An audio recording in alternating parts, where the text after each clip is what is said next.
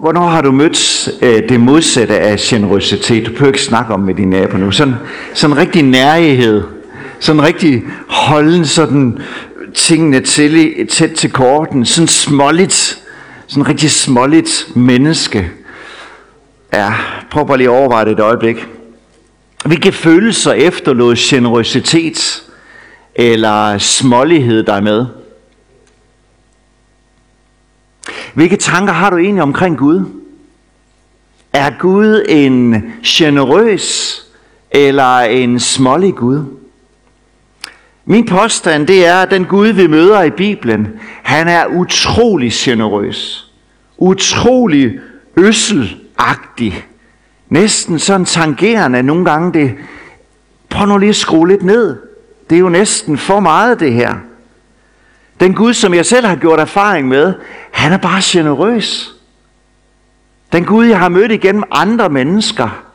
Hold op, hvor har han bare været overvældende stor laden. I den her weekend, der har vi talt om generøsitet over for hinanden, og den verden, som er vores, udtrykt igennem generøsitet i forhold til vores gaver og evner. Det var fredag aften tog Kirkeby lørdag formiddag omkring generøsitet i forhold til relationer.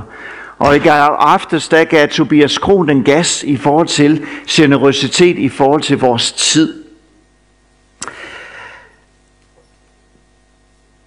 Og jeg tænker nogle gange på, at den Gud, som jeg kender, han er utrolig generøs, når det gælder om at bruge hans gaver og evner i forhold til os, og det er ikke så let han kan faktisk godt lide at bruge tid sammen med os. Han er øh, øsselagtig, næsten sløsende med sin tid. Så bare kom, jeg har masser af tid.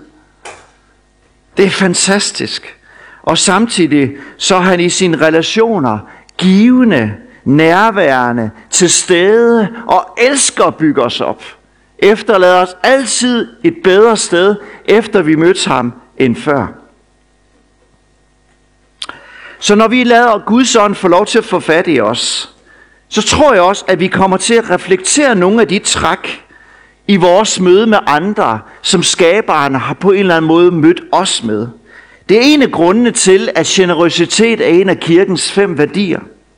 Fordi vi gerne vil være en kirke, der giver rundhåndet, ligesom Gud er. Ligesom ham, vi har mødt. Den her formiddag, så har jeg lyst til at fremhæve tre ting, der udtrykker, hvor generøs Gud er. Der er slet ikke noget, du skal gøre den her formiddag. Du kan godt sænke skuldrene. Jeg kommer ikke til at opmuntre dig til at gøre et eller andet, og bruge nu din tid bedre, eller et eller andet. Nu skal du bare i formiddag sænke skuldrene, og så møde ham, som vi er sammen om den her formiddag. Jeg tror faktisk på, at når han får lov til at møde os, og hans ånd får lov til at slå rod i os, så kommer det til at gøre af sig selv, at vi gør en forskel i den verden, som er vores. Så det takeaway, jeg ønsker, du skal tage med den her formiddag, er, hvor rig og overvældende Guds generøsitet er over for dig og mig. Hvor til det naturlige svar må være, kom her, giv mig mere af dig, fyld mig mere med den, du er. Og så er det jo godt, det er pinsedag. Det handler jo om at modtage Guds gaver, om at modtage Guds ånd, så vi har noget at bringe til omkring os. Vi skal se på tre ting hos Gud. Vi skal se på den generøse Gud, der skaber, den generøse Gud, der frelser, og den generøse Gud, det er sidste punkt, der fylder os. Nej, jeg havde det styr på den, tror jeg Lad os se på den første. Den generøse Gud, der skaber. Vi læser i 1. Mosebog, kapitel 1, vers 31, og der står det sådan her. Efter at Gud har skabt det hele. Gud så, alt, hvad han havde skabt. Og han så, hvor godt det var. Næsten som du har slået have, øh, græsplænen derhjemme, hvis du er sådan en, der, har, der stadigvæk går med en håndskub, og du er færdig tænkt, det er godt gjort det her. Ser godt ud. Ud til kanterne. Så er det så lidt øh, ekstra lart, når det handler om verdens skabelse. Når Gud så skaber, så er det ikke sort og hvidt. Så er det ikke nærigt og småligt så er det storladens, smukt, overvældende, genialt, unikt, fuldstændig særligt. Det gælder naturen, det gælder universet, og det gælder dig og mig. Det er virkelig generøst. generøst. Her i sidste uge, så havde vi den ære for lov til at være en lille smut i Alsace en tre dage sammen med Henrik og Birte Pedersen. Vi gik blandt andet nogle ture i skoven, og det var sådan en smuk natur. Og det efterlod med sådan et wow-indtryk, hvor man tænker, og så kender man arkitekten. Det er da fedt det her. Ham, der står bag alt det smukke, han har efterladt os med. Så ved jeg godt, der er flere læger og sygeplejersker og sundhedspersonale her i formiddag, som kan fortsætte med at fortælle om, hvor genialt menneskekroppen er skabt. Fuldstændig særligt om en detaljeringsgrad, hvor man tænker, det er da utrolig storladens. Mindre kunne du da også have et eller andet sted givet os Gud. Men nej, sådan er han bare ikke. Selv med et overskud, så der er plads til en blindtarm, som umiddelbart ikke tjener noget formål, bare fordi man kan. Skaberværset oser intelligens, design, struktur og orden, med definerede rytmer. Og vi står der med ærefrygt, med al den generøsitet, der flyder til os fra skaberværket af. Hebræerbrevets forfatter siger det meget smukt i kapitel 11. At i tro fatter vi, at verden blev skabt ved Guds ord, så det vi ser ikke er blevet til af noget synligt. Det der ord skabt eller framed, det blev forberedt skabelsen med et formål. Og det var ultimativt ved skabelsen at gøre Guds usynlige kvaliteter synlige. Så du bare står der i naturen og siger, hold da fast, hvor er det stort. Skaberværkets plan, det var at føre os hen til, hvor stor og generøs Gud er. Calvin, han kaldte skabelsen the theater of his glory. Guds herligheds teater. Syv gange, når Gud skaber, så stopper han sig selv under skabelsen og siger, det er godt det her. Det er rigtig godt. Det er virkelig godt. Det er meget godt. Det synes jeg er dejligt. Jakob i kapitel 1, vers 17 i hans brev siger sådan her, alle gode og fuldkommende gaver kommer fra oven fra lysenes fader, hos hvem der ikke er forandringer eller skiftende skygger. Så hvis du sidder med en tanke i formiddag om, at Gud holder noget tilbage for dig, at over for dig, så er du ikke virkelig elsket, så har han ikke rigtig omsorg for dig og lidt nærig, så har jeg bare lyst til at sige, det er simpelthen ikke sandt. Det er ikke rigtigt. Gud er generøs og elsker dig. Når Jakob skriver her, så skriver han jo til forfulgte efterfølgere af Jesus. Så måske kunne få tanken, Gud, hvis du virkelig er god, hvorfor skal jeg så finde mig i alt det her? Og så minder han dem, og måske også om, at alt omkring Guds væsen, det er godt. Det er opmuntrende. Det er hjælpsomt. Det er kun gode gaver, der kommer fra himlen. Han ligefrem elsker at velsigne os med perfekte, ikke ødelagte gaver. Så jeg ved ikke, hvad for dig er en god gave.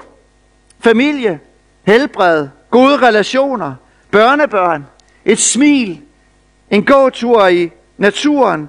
Trine vil have en brændeovn. Det får hun ikke. Hvis det er godt, så kommer det fra Gud. Han er bare så generøs.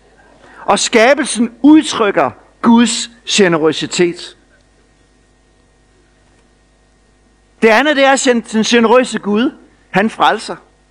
Den her perfekte, overstrømmende skabelse blev korrumperet, da vi, Adam og Eva, spiste af den her forbudne frugt, og synden entrerede verden. Synden begyndte egentlig ikke ved Adam og Eva. Den havde ved sin begyndelse ved djævlen, Lucifers ulydighed og hovmod.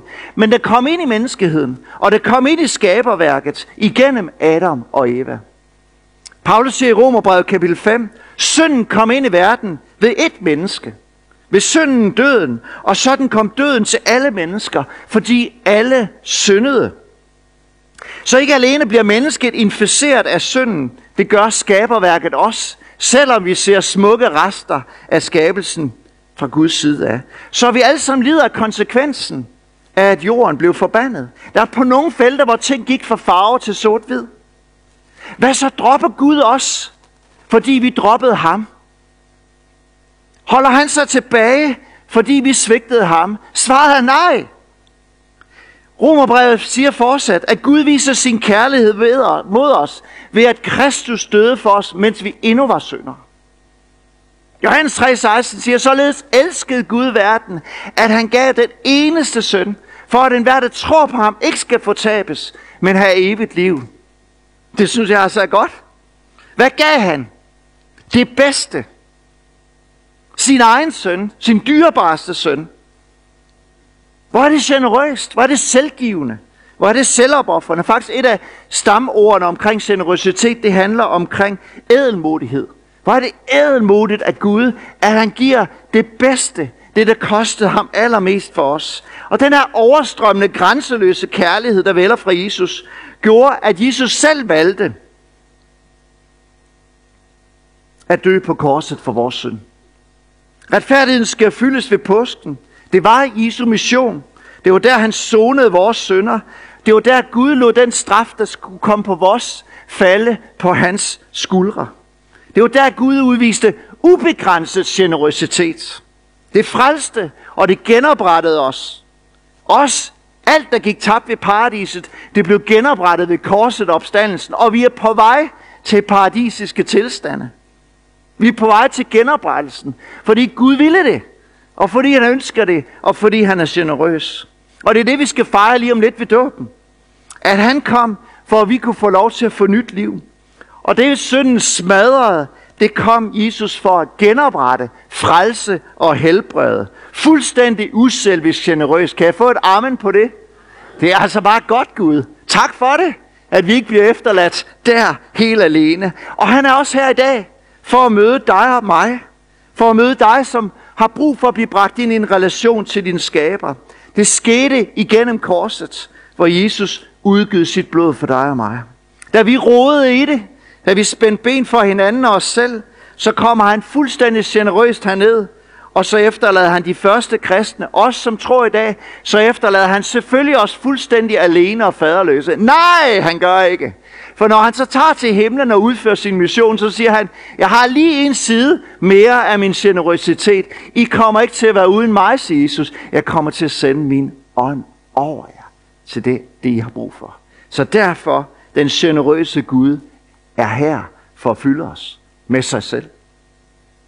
Så når mennesket hernede oplevede, at Jesus gav liv og gav liv i overflod, så stoppede det ikke dengang Jesus han tog til himlen. Ligesom Gud fader i skabelsen viser generøsitet, ligesom Jesus gjorde det, da han vandrede omkring, helbredte de syge og gav nyt liv, og der viste Guds generøsitet. På samme måde så kom Helligånden på pinsedagen.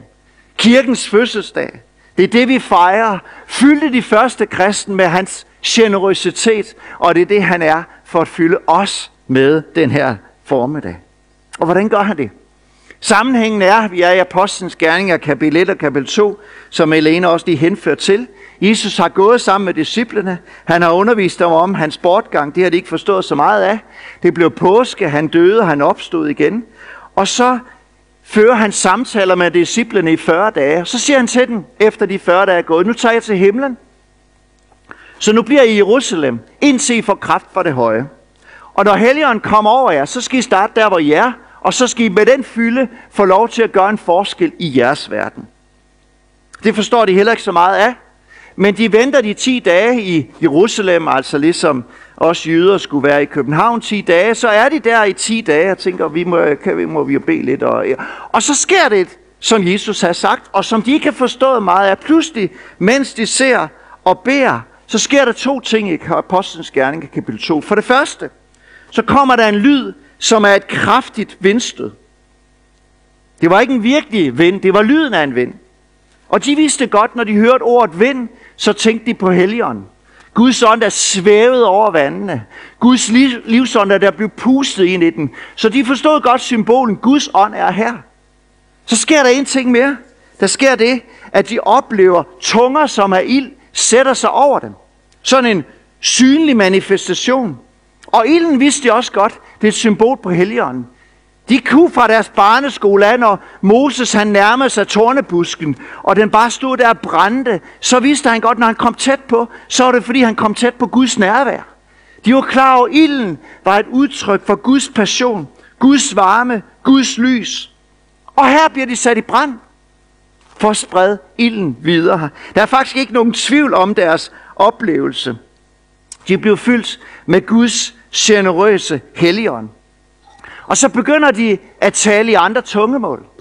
De begynder at gå ud på Jerusalems gader der.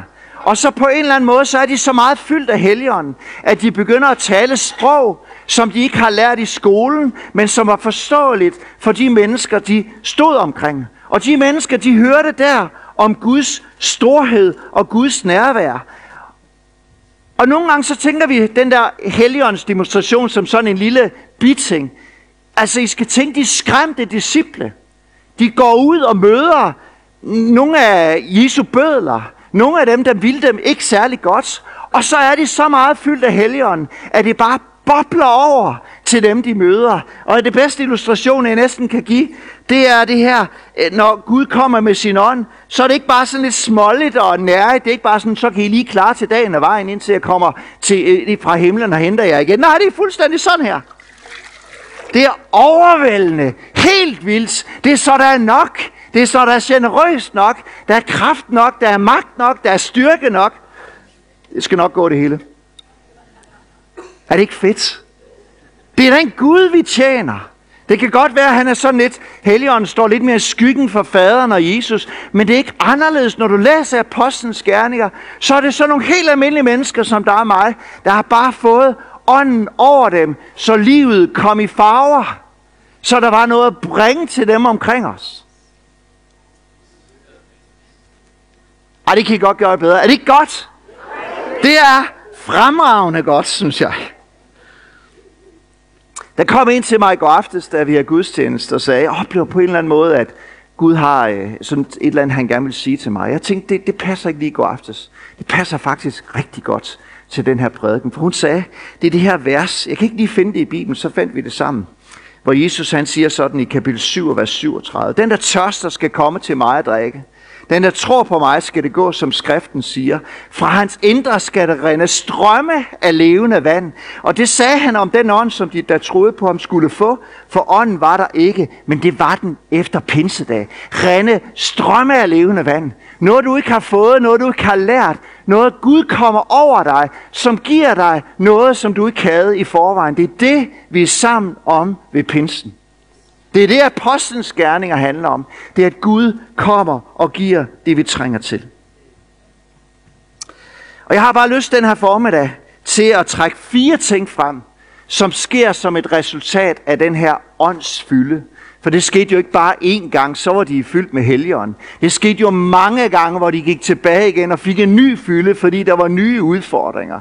Og så har de brug for at bede sammen og stå sammen igen, og så kom Guds ånd endnu en gang og fyldte over dem. Men der er fire ting, jeg i hvert fald lige har lyst til at nævne, som sker, når åndsfylden kommer. Det ene det er, at den generøse Gud fylder med overbevisning.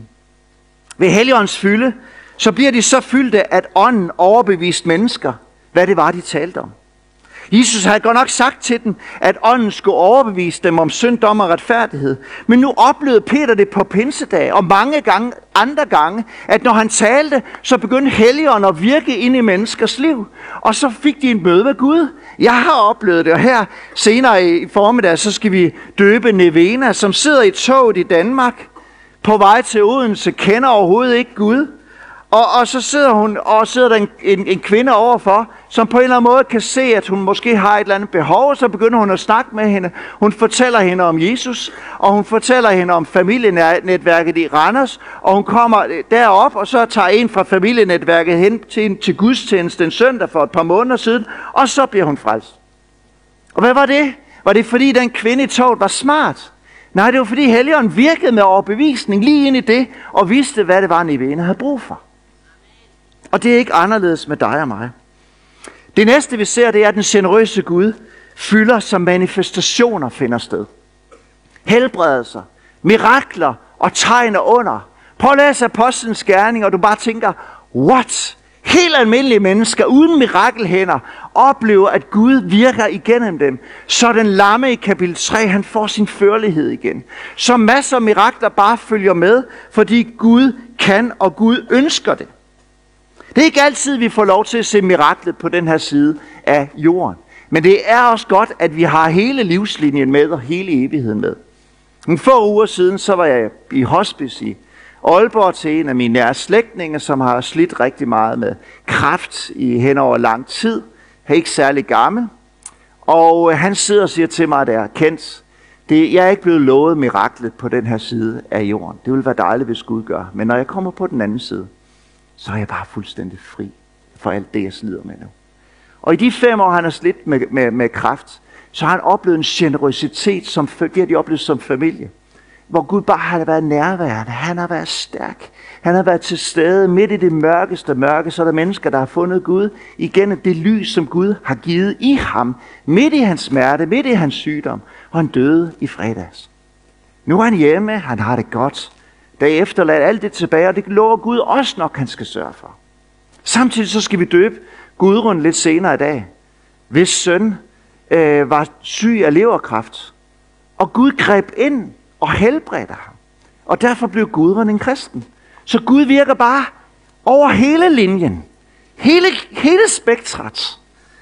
Og vi skal forvente, og vi skal tro på, også særligt os, som sidder i den vestlige del af Europa, at vi skal se flere mirakler tegne under. Vi skal se med manifestationer af Guds generøsitet, hvor folk siger, wow, for du kan ikke læse evangelien af apostlenes gerning, uden du kommer til det faktum, at der er rigtig mange mennesker, som får et møde med Gud, og hvis liv bliver mirakuløst ændret, også fysisk.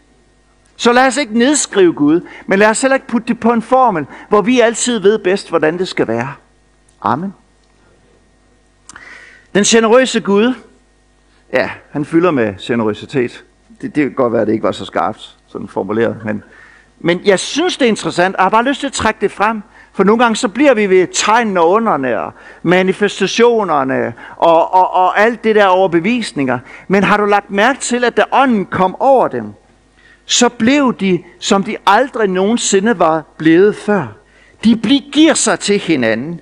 De har omsorg for hinanden. Helligåndens indvirkning på deres liv gjorde, at de oplevede det, som Jesus sagde, at derpå skal I kende, at I er mine disciple, hvis I har indbyrdes kærlighed. Og den kærlighed, de havde over for hinanden, og den by, de var en del af, det var sådan et trækplaster. For folk tænkte, hvordan kan det være, hvordan er det muligt, at de er så kærlige, at de er så gode, at de er så nådefulde.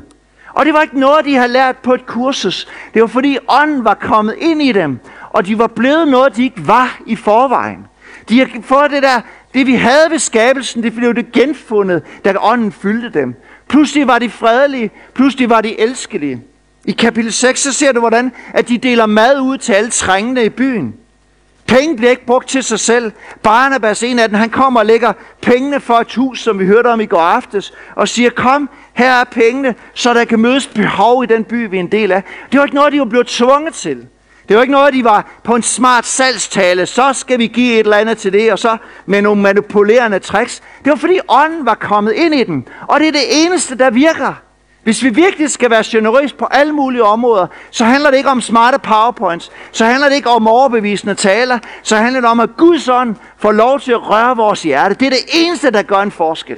Alt andet det bliver bare sådan noget religiøsitet og forsøge at være en ordentlig kristen, hvis ikke Guds ånd får lov til at røre os. Men han ønsker at røre os. Han vil røre os. Han rørte de første kristne. Og jeg synes, han har rørt rigtig mange af os, også i det her fællesskab. Men han er ikke færdig, for jeg tror, vi kan få lov til at være et endnu større signal til vores by, fordi de kan se, hvor meget godt, der flyder ud af vores liv. Ikke fordi vi er gode, men ham, der har fyldt os, han er god. Og så vil jeg gerne slutte med at sige lidt omkring den generøse Gud, der fylder med frimodighed. I kapitel 4 så møder vi Peter og Jakob i Apostlenes gerninger over for det samme Sanhedrin, som er dømt Jesus til døden. Og de får det pålæg der, at I må aldrig nogensinde mere sige noget omkring Jesus. Og hvis I gør det, så slår, I, slår vi jer ihjel. Og så siger de bare de her smukke ord. Døm selv, hvad der er ret. At adlyde Gud mere end mennesker. Vi kan ikke holde op med at tale om det, vi har set og hørt. Altså med andre ord, om det så skulle koste os livet, så er der så meget, det Gud har gjort i os, at Gud, Jesus døde, han opstod, at det kan vi ikke stands med. Det, det bliver vi nødt til at dele med andre. Dåben i ånden gjorde dem frimodige.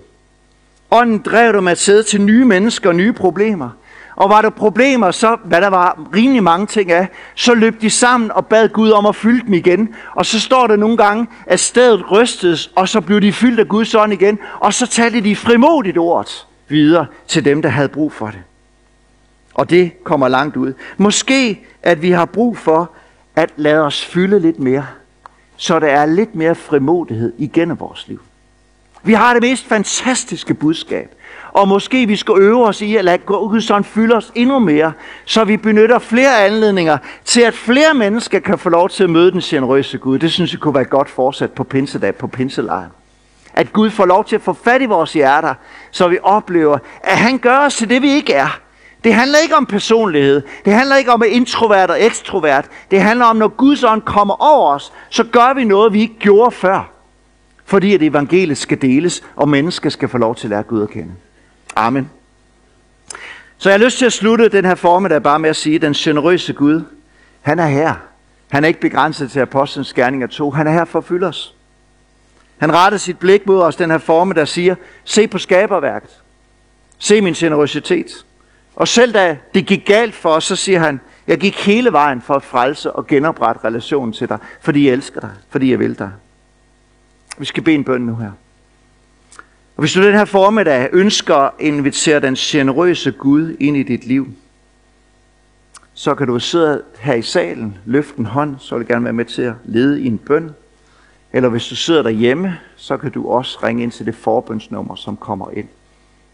Nogen her denne formiddag siger, Jesus, jeg har brug for dig i mit liv. Vil du fylde mig? Så markerer vi løften hånd. Skal du bede den her bøn efter mig? Skal vi bede sammen? Bare ind i dig selv. Kære Jesus, tak fordi, at du har skabt mig og elsker mig. Selvom jeg har valgt at gå min egen vej. Jeg kender, at jeg har behøvet dig i mit liv. Og jeg beder dig om at tilgive mig. Tak fordi du døde på korset for min skyld. Jeg ønsker at følge dig. Kom ind i mit liv og gør mig til et nyt menneske. Jeg tror, jeg bekender, at du er Jesus Guds søn. Og jeg tager imod din frelse. I dit navn beder jeg. Hvis du har bedt den her bøn for første gang, så vil vi gerne hjælpe dig med at vokse i troen. Så ring ind på nummeret, hvis du ser med hjemmefra, hvis du ser er her i salen, så øh, når vi har forbøn om et øjeblik, så benyt den anden til at gå frem. Vi kommer også til at afslutte streaming nu, så øh, ønsker dig en fortsat god pinse, opmunter dig til at komme og være med ned på Nils Broksgade. Næste søndag der er det ikke klokken 10, men klokken 10.30. Må Gud velsigne dig.